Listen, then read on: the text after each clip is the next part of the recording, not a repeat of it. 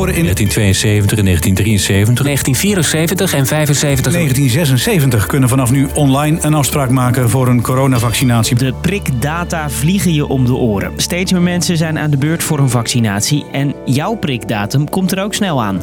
En schrijf deze ook op in je agenda. 1 september. Ik denk dat we dan echt van de meeste maatregelen echt af zijn. Volgens minister De Jonge zijn we in de buurt van een tijd na corona door alle vaccinaties. Maar experts twijfelen daaraan. Of het echt weggaat, ja, dat, dat is erg onwaarschijnlijk. Kan ook weer zo geïmporteerd worden. Corona zal blijvend invloed op ons leven hebben, zeggen zij. Hoe ziet dat leven er na alle prikken uit? Ik ben Marco en vandaag kijken we in de toekomst. En ja, daar hoort corona ook bij. Sorry. Lang verhaal kort. Een podcast van NOS op 3 en 3FM.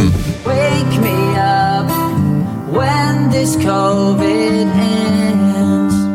Volgens coronaminister Hugo de Jonge is het bijna tijd om wakker te worden. We beginnen bij hem. Wat is zijn belofte voor september? Dus als we dan inderdaad allemaal gevaccineerd zijn, ja, dan lukt het ook echt om die maatregelen los te laten. En dan kunnen we daar ook echt gerust op zijn dat dat, dat, dat ons geen vierde golf oplevert. Dus op 1 september bijvoorbeeld geen mondkapjes en anderhalve meter afstand meer door de prikken. Ik denk dat dat een heel reëel perspectief is. Maar dat perspectief heeft twee onzekerheden: mutaties van het virus en de vaccinatiegraad.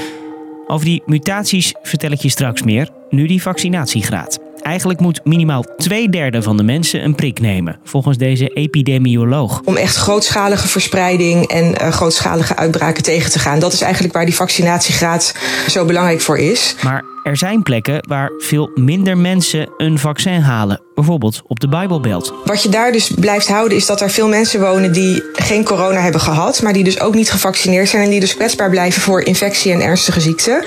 En dan kan het virus dus oplaaien. En bij zo'n uitbraak kan het zomaar zijn dat je weer afstand moet houden of je mondkapje op moet zetten.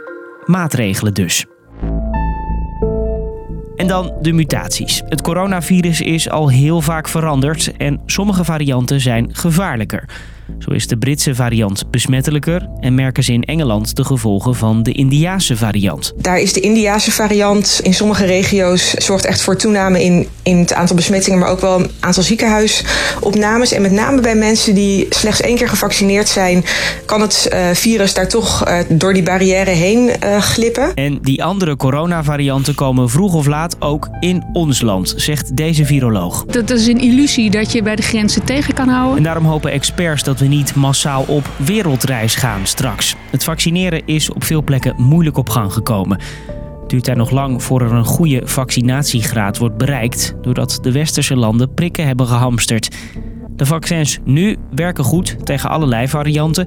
Maar de angst blijft dat iemand thuiskomt van een vakantie met een variant waar de vaccins niet tegen opgewassen zijn, zegt deze immunoloog. Het is inderdaad niet uit te sluiten dat er een keer een mutatie ontstaat waardoor dat niet meer werkt. Dus ik denk zeker dat voorzichtigheid geboden is en dat je dus heel goed in de gaten houdt wat er gebeurt. En dan zijn er nog andere onzekerheden. De verspreiding kan door het winterweer bijvoorbeeld makkelijker gaan en farmaceuten kunnen vertraging krijgen bij het leveren van prikken. Kortom, experts twijfelen aan alle maatregelen weg op die 1 september, zoals minister De Jonge zegt. Het lastige is denk ik dat het heel goed kan dat we dat inderdaad los zouden kunnen laten, maar dat het ook nog een beetje te vroeg is om daarover te speculeren, omdat je gewoon echt gewoon wil kunnen zien hoe het gaat. En daar sluit de Wereldgezondheidsorganisatie zich bij aan. The pandemic is not over.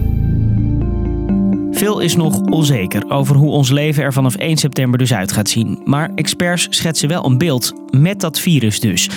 Alle mondkapjes weggooien, omdat je die nooit meer gaat gebruiken. Ik zou ze nog even bewaren. En kwetsbaren moeten waarschijnlijk regelmatig door de prikstraat. Net als bij de griepprik, zegt deze arts. Ik denk in ieder geval de ouderen. Uh, die zul je waarschijnlijk moeten blijven herhalen qua vaccineren. Ook de wattenstaafjes in de neus en de teststraten zijn nog niet weg.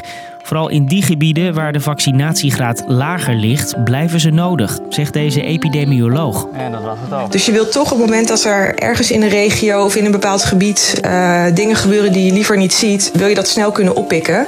En de enige manier waarmee je dat kan doen is door toch nog steeds wel veel te blijven testen. Kortom, de zwaarste coronaregels verdwijnen echt wel. Maar het coronavirus is nog niet weg. Het is ons als mensheid tot nu toe pas één keer gelukt om een virus totaal uit te roeien. En dat is gebeurd bij pokken. Het is heel onwaarschijnlijk dat dit bij het coronavirus gaat gebeuren. Volgens 18 virologen, immunologen en epidemiologen wordt corona een ziekte die zachtjes doorsluimert en af en toe opduikt, ook na 1 september. Je hoort een immunoloog. Ik denk ook niet dat we er helemaal af zijn in de zin dat er nooit meer iemand besmet zal worden of uh, hieraan zal overlijden. Maar wel dat je kan voorkomen dat de hele samenleving er last van heeft.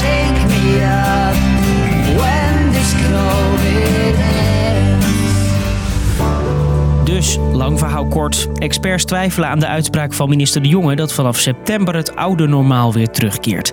Volgens hen kan er te veel gebeuren waardoor er maatregelen nodig blijven, zoals vaccineren en testen. En sowieso is het coronavirus nog jaren onder ons, is de verwachting. Dat was hem weer. Morgen rond 5 uur staat er weer een nieuwe podcast voor je klaar in je app. Bedankt voor het luisteren.